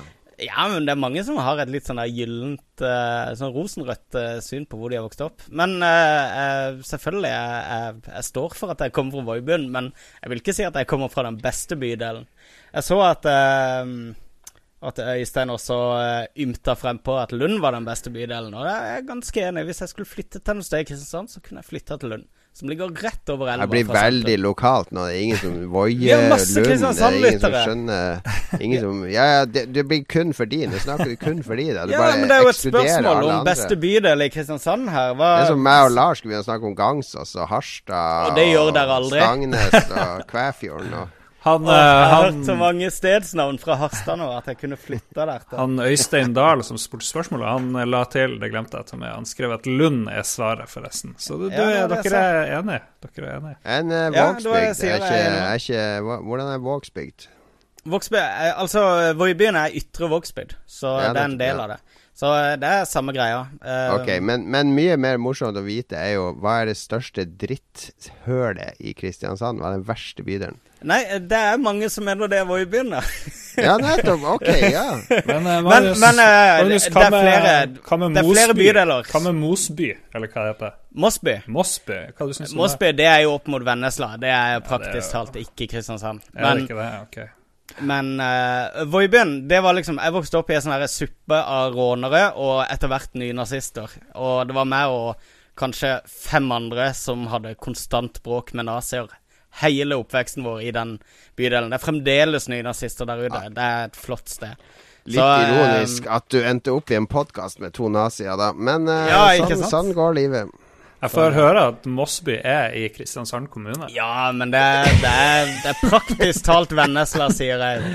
praktisk talt, ja ja. Her var mye ømme nerver. Det er tydelig at det er et behov for en egen uh, Kristiansand-sending i Lolbua. Nok av det. Hvis vi får uh, Lars, kan du få han Julius som gjest, så, så er det ah. go. Ja. Han ble jo slått ned av to damer i, uh, i Dyreparken, forresten, leste jeg her. Han skulle stoppe sånn krangel, og så bare banka de han opp, eller jeg vet ikke hva som skjedde. Nei, han fikk kutt i leppa, det var det. Så han måtte i narkose. Ja. Kristiansand right, er voldelig plass. Ja, det er en voldelig plass. Jeg kan bare si til Pjokken som, som som hard Mosby-patriot, skjønner jeg ut fra kommentarfeltet her. Um, kompiser har bodd der oppe, og det har vært uh, ganske, mye, ganske mye sammenstøt på den nattbussen oppover til Mosby en del i ungdommen, som, uh, som kanskje har prega inntrykket mitt av, av, byen, eller bygda, eller hva du skal kalle det. Um, men jeg har ikke vært her på 15 år, så jeg tør vedde på det paradis i dag. Det må være ganske fett hvis du faktisk gidder å ta nattbussen opp dit. ja, det var kompiser av meg bodde i et kollektiv der, så right. vi, vi, bodde også praktisk talt der. Ok, Skal vi gå videre til han Trygve ja. Bjelvåg? Hvem sitter ja. Er det meg? Er det, jeg tror kanskje det. det, det. det, det. Eh, om vi var en konsoll, altså selve maskinen Eh, hvilken maskin ville vi ha vært? Eh, jeg ser for meg at Jon Cato er en Super Nintendo, Magnus er en PS2 eller Dreamcast, kanskje. Og Lars Rikard hadde vært en Trump-stensilert Xbox One. er dette innafor? Spør. Ok, Det her er jo det temaet vi, eller det vi starta forrige uke mm. med at vi skal I forrige uke så snakka vi om hvem i TV-serien Entourage vi var, ja. som ble en veldig flott splash. Nå har Trygve Bjelvåg plukka opp eh, stafettpinnen og uh, fantaserer om at vi er jeg vet ikke om det er helt sunt å ligge og tenke på det i mørket, da, og hvilken konsoll vi er. Det virker som et usunt forhold til konsoller Trygve har, men, men ja, Har han ligget i mørket? interessant. Vi, vi har jo pers Konsoller har jo en slags personlighet, eh, en slags utstråling. Hvilken konsoll ser vi for oss at vi er? Mm, ja, Jeg er nok en, eh, en N-gage. litt sånn overfancy og Oppskrytt. forut for sin tid. Oppskrytt og allerede utdatert når jeg havna ut i verden. Uh, Ja, en, nei, jeg vet ikke. Jeg, jeg tror kanskje ikke jeg ser på Lars som en Xbox. nei, Med tanke på Nei. hans eh, knallharde barrikadering i Sony-leira. Det eneste vi ikke trenger å diskutere, er jo hva Magnus er. Han er jo en Vita. Er jo en bit da, Det er liten og nett og mye kraftigere enn du skulle tro. Ja, ja, ja. Fin å se på òg. ja. Uh, og jeg er jeg, er- Jo mer jeg tenker på det spørsmålet, jo dummere syns jeg det blir. Det er Du er den der gamle Pong-maskinen, Jon, med den der med sånn tre, trepanel og, og hjul på og sånne ting. Den er du. ja, kanskje en Vik 20, jo. Det jeg føler jeg kanskje det ligger på VIC 20-nivået. kanskje. Litt sånn Nei da. Nei, jeg klarer ikke å engasjere meg i det spørsmålet. Uh, hvis jeg fikk velge sjøl, så ville jeg Bare gjerne velg en konsoll for meg. Det er samme det. Virtual Boy, Ville du ikke vært en Amiga, Lars? Åh, en Amiga. Jeg liker Ja, hva er sånn outsider-greie? Jeg er jo ikke noe outsider, men det jeg liker jo å tenke meg sjøl. CD32, ja. Uh, CD32. Veldig Ja. fornøyd. Veldig, Ja, veldig alternativt. Greit, jeg skal, jeg Veldig være en utdatert. PC-engine. Du får ikke PC, jo. Du får ikke PC. Nei, Det er jeg skal ikke en være, konsoll. jeg skal være PC Engine. TurboGrafx 16. Oh, ja, ja. Den der sære importkonsollen som alle drømte om å spille på, som bare var myteomspunnen det med. Ja. Det var et eh, godt svar, syns jeg. Morsomt! Det var okay, morsomt, Trygve. Takk skal du ha. Vi ses på quizen. Uh, han pleier, jeg husker ikke om han pleier å være på quizen. Han er vel på quizen. Rolf. Helge eh, har et spørsmål til deg, Magnus. Ja, Øvergård Ingebrigtsen. Han spør eh, hva er den tøffeste konsollen utseendemessig? Lurer på om vi hadde spørsmålet før. Har vi det? Ja, vi har sikkert hatt noe lignende. Jeg tror jeg Hva, svarte hva er den tøffeste konsollen? Tror... Hva er den peneste konsollen? Mm. For meg er det. PlayStation 1. Jeg syns PlayStation 1 er et fantastisk eh, design, rett og slett. Den, den da sirkelen og det som er Ja. inni den firkanten, og det er så stilrent og pent. Så jeg syns den er veldig, veldig fin. Sony er veldig flinke på Jeg syns PlayStation 3 så møkk ut, men eh, alt annet de har lagd, har vært uh, kjempepent, syns jeg. Jeg syns Eh, toeren òg var forferdelig, den der radiatoren. Ja, jeg syns han hadde noe for seg. Egentlig bare eneren jeg syns var fin. De andre har bare vært skit. Jeg husker jeg digga PS1, denne nye modellen av PlayStation 1. Som uh, den der bitte lille som Ja, ser ut den som der uh, kritthvite. Ja. Ja. Panasonic sin 3DO, eller hva den het, den var ganske Ja. stilig, husker jeg. Syns jeg før. Jeg leste om Ja, den i blader. Den så litt ut som en sånn hjemmestereokomponent-ting. Ja. Jeg synes Wien, altså Wii, den første Wii, var veldig Det var en veldig, veldig pen eh, konsoll da han kom, husker jeg. Liten og nett og stilrein og um, Så ut som en liten bæsj. Plastbæsj. Det er Hvis plastbæsj er Hvis bæsjen din, Lars, er vid og firkanta med blå lys på, så, eh, så er det riktig resonnement. Ja, nei, det var ikke meninga å bæsje på ditt valg. Nei, eh, men eh, ja, jeg vet ikke. Jeg syns uh, kanskje Jeg syns Xbox One er veldig fin. Det er det mange som er uenig i. Jeg er veldig What? glad i den. Ja, det er en stor, svart, blank, helt anonym boks. Det er alt jeg vil ha en konsoll. Det alt jeg vil ha en konsoll, er at den er super plain, veldig få detaljer, ikke skriker i stua mi. Ja, du syns sånn her eh, eh, arkitektur fra eh, Stasi-Tyskland, sånne der grå betongbygg Det Sånn er eh, krevende arkitektur, funksjonalisme, eh, optimalt med kontorplass. Er det ikke brutalisme, det heter? Ja, noe sånt. Ja, jeg, jo, jeg syns det er Jo, det, det er helt riktig, det syns jeg. Jeg syns det er dritkult. Ja. Så Ja, det store, det. store majestetiske, nesten sånn her power eh, betongbygg. Det er kult. Så ja, det kan jeg stille meg på. Deg om det. Rolf Helge Øvergard Nei, Super-Enma. Hva er det for et navn? Det er så. Det tre- vi trenger ikke å spørre når det ikke har sånn ordentlig navn, må vi det? Skal vi ha med det? Ok. Jeg tror det Hva er den ja. beste spillgaven dere har fått av noen? Jeg har fortalt før om den, eh, den eh, James Bond Golden Nei, eh, Rogue Dildoen. Agent Dildoen, dildo, eller vibratoren. Den har jeg Det er den fortalt den historien i hvert fall en gang før. Så ja, det er den beste spillgaven du har fått. det er den beste spillgaven jeg har fått. Mm. Nei, nei, jeg vet ikke. Ja, jeg fikk en Zelda Collectors Edition. Det har vi jo et spørsmål Men det er ikke en gave når du har fått en promo eller har fått noe fra en en gave fra Nintendo. en-. Det var en julegave. Nei, det er ikke, det er ikke gave. Det er sånn der, eh, Nei, det er smøring. Det er Ja, firmasmøring. Men... Er det noen som har gitt deg noe som du har blitt glad for? Altså, Ingen gir en venn, noe, eller meg, eller Lars. Har du fått noe fra noen av oss? det har du sikkert ikke, men, men eh, Har du fått noe fra kjæresten din eller kompiser? Noe spillrelatert som du har blitt glad for? Det er et godt spørsmål. Jeg er liksom Jeg er så raskt ute med å kjøpe det sjøl at uh, folk får sjelden tid til å gi meg spillting. Um, så ikke noe jeg kommer på akkurat nå, nei. Jeg husker ikke. Jeg begynte jo å få spill i 2000, tror jeg, eller et eller annet sånt helt vilt Ja. tidlig. Så siden da har jeg jo nesten ikke kjøpt så mye, eller fått spill i det hele tatt, fordi ingen gidder å gi meg noe spill.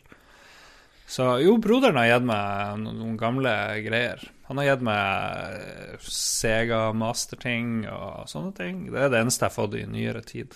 Pluss skal... Commodore 64 og masse kassetter og ting og tang. Han har funnet i Sverige på loppis og ting. Det er kult. Jeg husker jeg kom hjem eh, Eller min far kom hjem fra USA.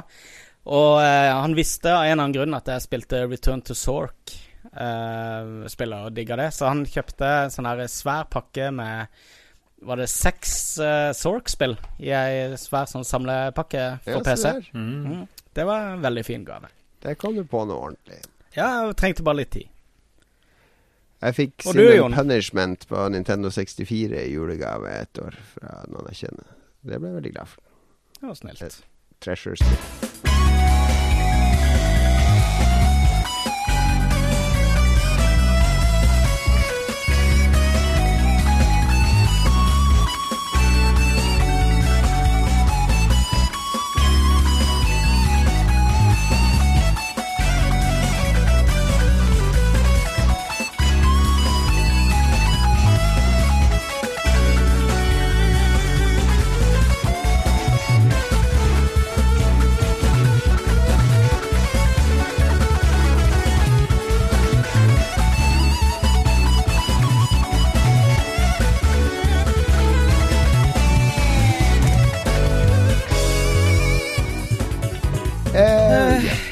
Hegel, men Nå er det Lars. Vi er ikke halvveis i spørsmålet. Ja.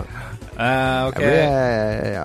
Jan Christian Hegel, snakk gjerne om hvor forferdelig denne traileren slash reklamen til Mighty Number no. 9 er, og så har han linka til den her uh, Mighty Number 9 Jeg har sett den. reklamefilmen som kom i forrige uke eller noe, og den er absolutt bæsj. Den er det. Den var dritt, altså. Ja, det, men det var en sånn voiceover som mange ikke likte. Ja, han var Men jeg syns den var, var cheesy. Den var så cheesy at det ble litt sånn morsom. Interessant. Ja, men han var ikke Han var liksom så eh, Han som kjørte den der eh, Han som hadde stemmen, da, han klarte liksom ikke naile den type stemme. Så det ble bare en vanlig dude som, som leste det, på en måte. Det, det bare De klarte ikke liksom gjennomføre We saved the best for last. Bla, bla, bla. Ja. Check out this Og så var det et eller annet som var sånn her uh, trist som en uh, Like an anime-fan on prom night. Mm. Som det var selvfølgelig dødsmange på nettet som reagerte på. Å ja! Men uh, jeg syns Sånn Fra et business-ståsted så syns jeg det er en ganske bra trailer, for den, alle snakker om den. Ja, og jeg alle reagerer på den, og alle De kan Hvis du legger det er mye bedre å så- å så dempe forventningene til spillet, i og med at så mange har betalt for det allerede, og så bare Å, det var megafett allikevel. Ja. Så kanskje er det sånn. Kanskje er det, Det sånn som er problemet i nyere tid, med når uh, spill får for mye sånn negativ rap uh, hos de der gamer-communityene før lansering, er at de saboterer lanseringene.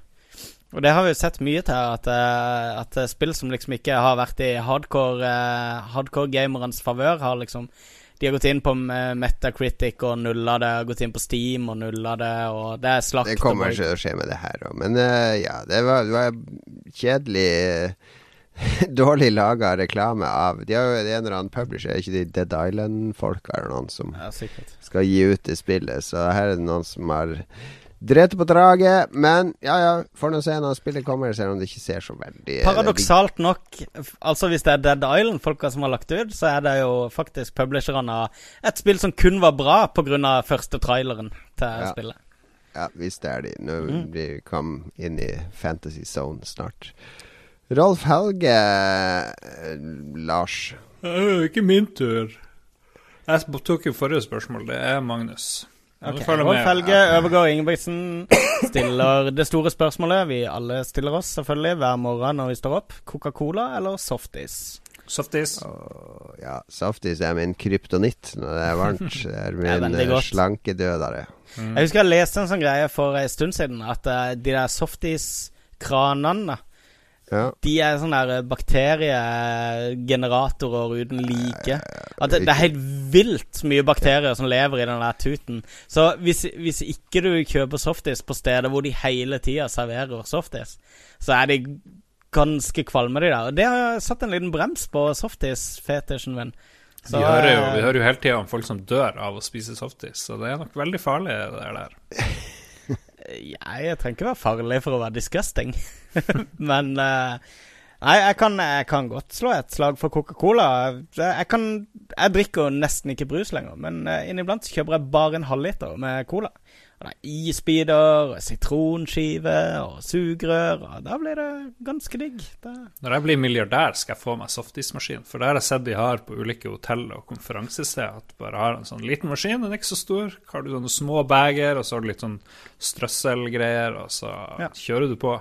Mm, tror, du, tror du jeg har iskremmaskin, Lars? mm. Ja, det tror jeg. Selvfølgelig har jeg det. Og den vasker du hvert femte minutt for å stoppe bakteriene. Nei, det, det er ikke en softismaskin, det er en ismaskin. Men den bøtta inni har jeg i oppvaskmaskinen. Ja. Men den iskremmaskinen min Den står faktisk på soverommet, for jeg har ikke plass noe annet sted å ta den. Så. Jeg står på det ene eh, nattbordet. Er, er frozen yoghurt Er det noe å spise? Det syns jeg bare er ekkelt. Det er dødsdigg. Jeg skjønner ikke hva du snakker om. Jeg lager, jeg lager veldig mye sånn type Jeg tar en mango og noe yoghurt og hiver i den ismaskinen, så har jeg en dødsgod mangosorbé. Allergisk mot 50% av det der, så det Får nyte den. Nyt den, den som kan. Fredrik, kan dere lage en podkast om musikk og dans? Musikk og dans, faktisk. Jeg, har, jeg lager jo en podkast om musikk. Jeg lover det kommer en ny episode i løpet av juni. Dans. Hvem av dere vil lage dansepodkast? Uh, jeg har ikke så peiling. Lars, du er jo en kløpper på ballett, har jeg fått med meg. Jeg er veldig god, men bare i sånn, hvis jeg får danse damerollene i Svanesjøen. Hvis jeg får være Riktig, en riktig. svarte og hvite svan, så da er jeg med. Um, Neste. Ja. Petter Eikrem. Er det noen som skal spørre? Jeg kan ta det. Kjør på. Og spørsmålet lyder som følger. Lorentzen i EVE Online. Ok. Ja, det stemmer det. Jeg spiller fortsatt EVE Online. Uh, jeg begynte jo på det for over en, eller en måned siden. Eh, og eh, det Jeg kan jo ikke spille så mye som mange av de i corpet mitt og sånn, eh, fordi jeg har familie og jeg spiller litt andre spill og sånne ting òg, men jeg har tre alts, eller tre figurer, da. Som det heter. Den ene driver med Planetary Interaction, der jeg drar inn eh, noen millioner i uka på å lage vaksiner oppe på et system ikke så langt fra Gita. Gita er den store, store handelshuben i EVE. Så de, jeg drar opp dit hver tredje dag, og så henter jeg vaksinene og produserer nye kyr og andre ting, og så selger jeg de på Gita. Det tar meg kvarter, 20 minutter. Litt spennende med å scote etter pirater og sånn. Og så er det en alt som driver og gjør missions for Kaldari, og går opp i rank der. Mest fordi at uh, det er- ikke sånn veldig gøy å gjøre missions, men det er litt gøy. Det er litt variasjon. Og så har jeg sånn her støvsuger, salvage-skip, som går og støvsuger opp vraket etter han. Og så har jeg en alt som er medlem av Brave Newbies, og som er langt, langt ute i nullsekk, og som driver og retter uh, NPC-pirater der. Med droner, en droneveksor. Så det er uh, status nå. Eh, målet mitt med hun der eh, som er ute i nullsekk og med i Brave Newbies, er at hun skal begynne med litt exploring nå i juni. Eh, explore wormholes og gamle relics og sånne ting. Og så uh, skal jeg uh, henne for å bli med i flåten til Brave Newbies. Fordi jeg driver og hører på voice-comment til Brave Newbies hele tida, der de driver og overvåker jump gates og kjører rundt en gjeng på 20 eh, krigsskip og, og småskip og scouts og sånn. Og tar seg av folk som prøver å invadere territoriet vårt. Så det høres veldig spennende ut. Alle har sånne roller, og det er uh, Ja, det er som PVP-raid. Det er som du skulle hatt et raid i World of Warcraft som var PVP-raid. Der du gikk en gjeng rundt, og så ser du en annen gjeng som kommer mot ditt territorium. Så står du liksom og betrakter på avstand og begynner å gjøre klar Forsvaret og sånne ting. Og skremmer de bort. Og noen ganger blir det kamp. Og noen ganger er det en kar som forviller seg inn i området ditt, og så bare alle bare getta ned på to sekunder. Så ja, eh, flåte Jeg skal inn i flåte i løpet av sommeren, er målet mitt. Magnus, yes, Magnus Godt svar på et ikke-spørsmål. Ja. Magnus, kan ikke du oppsummere litt det Jon sa nå? Nei. Jeg, jeg, jeg satt og eh, prøvde å tenke ut om, om det var flere som skjønte hva jeg snakka om når jeg prata i det vide og breie om Voiebyen, enn eh, de som forsto hva du snakka om i, i Online. Jeg snakka nå i hvert fall om spill. Ja, det er sant. Du kan, du kan lage Kristiansand i uh, EVE Online. Voiebyen en nullsekk og så videre. Ja, Voiekorp. OK, OK. Men for øvrig, de som eh, ikke spiller i Online, men som liker å lese spennende historier PC Gamer hadde nettopp en historie om det første av de Du kan bygge Citadels nå, sånne digre, digre romstasjoner. Og det, det første av de aller, aller største romstasjonene har blitt bygd nå. Veldig spennende historie på PC Gamer om åssen de bygde den og frakta den gjennom et wormhole til hjemsystemet sitt. Eh, koselig lesning på toget. Um, ja. Kristoffer Ghetto Boys Hansen Leistad Ghetto! Han sier Siste spillet spilte på PC og virkelig likte, var Divinity Original Sin. Om dere har prøvd det, hva syns dere om det? Jeg har ikke spilt Divinity. Um, Jeg likte det veldig, veldig godt. Det er uh, en naturlig videreføring av Baldur's Gate med fysikk og interaksjon med environment. Og eh, jeg pakka inn i moderne innpakning, rett og slett. men det, ble, ble ikke Baldur's nylig lansert på konsoll? Det vet jeg ikke. For jeg tror jeg har spilt det på Xbox i, for eh, noen uker siden. Hvis ikke jeg tar helt feil. Det var kult Du nok, det. tror du har spilt det? Ja, jeg kjøpte Jeg tror det var Divinity jeg kjøpte. Husker ikke navnene på alle de her rollespillene. Ehm, jeg spilte det en halv dag, så jeg har ikke spilt det veldig langt på det. Men eh, ja, det føltes litt sånn, sånn klassisk eh, RPG. Kult nok. Veldig forseggjort, i hvert fall. Kult nok. Det er mye kulere enn kult nok. Det, er, eh, det som er veldig kult med det, syns jeg, da, det er at du har skills på karakterene. Og at alle Alle quests, eller veldig mange quests, har, kan du løse på mange forskjellige måter. Da. For hvis du er veldig sterk, så kan du slå inn døra til det låste rommet. Hvis du ikke er så sterk, så kan du finne han duden og overtale han som har nøkkelen til å gi deg nøkkelen til det rommet. Og hvis du ikke er flink til å overtale, så kan du finne en hund Hvis du kan snakke med dyr, så kan du snakke med en hund som sier deg at han legger den nøkkelen der om natta. Altså, vi, altså det, alle sånne oppgaver kan løses på forskjellige måter, avhengig av, av hvilke skills og tasks du har. Og det, det er veldig kult i sånn rollespillsammenheng. Det er ofte bare én løsning. Ok, du må stjele nøkkelen fra han. Uh, så jeg syns det er kult at de torde å lage det så åpent. Jeg husker eh, de Quest for Glory-spillene som eh, Som alle tror er vanlige eventyrspill. De spilte på den måten der, med at eh, eh, At du alltid kunne velge hvilken klasse du skulle være, og du kunne velge å løse alle puzzles og alle muligheter på forskjellige måter. Mm. Mm. Kanskje jeg må spille videre på Divinity enda jeg Ah, yes, det anbefales varmt, varmt, varmt, varmt. varmt. Jens Arthur Leirbakk, eh, han kjenner jeg godt. Sci-fi-serier, reaksjoner på No Man's Sky-forsinkelser, ny ekspansjon til Witcher 3. Han bare skrev inn sånn der eh, stream of consciousness. Ting vi kan det, er, det er ikke noe spørsmål der, så da kan vi gå til pausen. Det var eh, spørsmål fra Lars om uh, hva vi kunne prate om, hvis ikke jeg tar helt feil. Mm. Uh, det var jo morsomt det her No Man's Sky-greia, hvor han fikk uh, drapstrusler, han Kotaku-fyren, Ja, som først herregud. brakte historien. Ja, Ja. det er heavy. Det er det. Drapstrusler. Han satt Nei, det var utvikleren, var det ikke det, som fikk uh... Utvikleren og Sean, eh, han Sean Murray, som han heter. Uh, de og han uh, journalisten. Så han journalisten satt og bare håpte. Han har aldri håpet så, eh, så mye på at et spill virkelig skulle være forsinka. Fordi han syntes det tok litt lang tid før det kom bekreftelse på Ja. hans story. Um, ja, at, jeg ble jo ikke akkurat sjokkert over at det var utsatt. Uh, er det ikke et sånn her enmannsprosjekt, egentlig? Nei, Eller nei. det er noe ministudioprosjekt, i hvert fall. Ja, ja.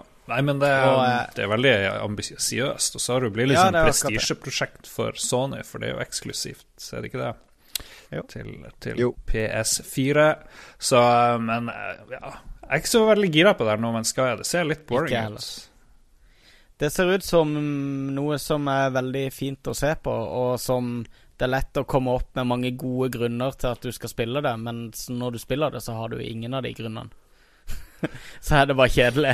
For det, Vi får se. Det blir sikkert gøy. Det blir sikkert gøy. Men jeg synes jeg håper det. gir for mye oppmerksomhet til alle mulige sånne nek og fjols som oppfører seg som idioter på nettet. De, de burde ties i hjel, spør du meg. Eh, De er jo De bør jeg- jeg drepes. linka- Nei, men jeg linka til uh, Ties meg pude. Det er en som skrev om det her, uh, den her entitlement-generasjonen som Ja. er nå. Disse som, som bare forlanger og forlanger, og så blir outraged hvis ikke ting leveres sånn som de vil ha det, og når de vil ha det, osv. Og at hvordan hun uh, Cathy Bates i 'Misery', hun som finner han for yndlingsforfatteren sin og Ja, ja. Torturerer og terrorisere han for å få han til å skrive den boka hun vil ha. For han har Eh. skrevet ei bok hvor hovedpersonen dør. Ja, ja, ja. en kjent serie. Så det var hun uenig i, så han Ja. måtte skrive en ny bok der hun faktisk ikke var død, osv. Uh, og, og, og han, hun er jo Hele det der er jo bare sånn forsmak på den der uh, internettgenerasjonen som er kommet nå, bortsett fra at de sitter ikke inne i hver sin lille hytte og, og rager for seg sjøl. De, de tar det ut på nettet og, og skjeller ut folk og driter seg loddrett ut. Kan Eh, se for deg at han sitter der i senga og skriver eh, ny Mass Effect 3-avslutning. Ja, ja, ja. Det, Mens internett knuser beina hans sine for å holde på han. Det er nettopp det, ikke sant? Det er nettopp det at, eh, at eh, Jeg, syns folk skal Folk må gjerne kritisere ting og være Mm. misfornøyd med ting osv., osv., men det er når du begynner med når du har, du, la, Må du lage en sånn petition på nett, så har du tapt i utgangspunktet. Da, da, da, da hører jeg ikke lenger på saken din. Nei, jeg er helt enig. Helt enig. Det er som å starte ei sånn Vi som-gruppe på eh, Facebook. Mm. Vi som er lei av. Vi som ikke Vi som er lei av at bensin er så dyrt i Norge. Altså. Ja. Vi som synes tobakk og alkohol burde være billigere i Norge. Vi som er imot bomringer. Vi som ikke vil betale NRK-lisens, for vi ser aldri på NRK. Ja. Alle de bra folka. All the good guys. Yes! Da er det pause. Juhu!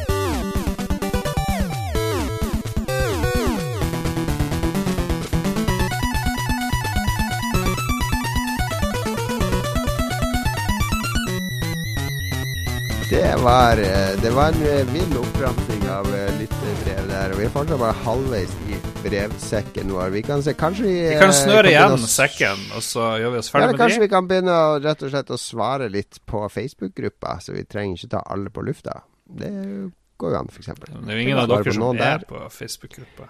Jo, jeg er der hele tida. Jeg er der hele tida. Ja, vi kan svare alle sammen der. Eh, litt, og så tar vi noen i sendinga. Vi får se hvordan vi gjør det i framtida. Ja.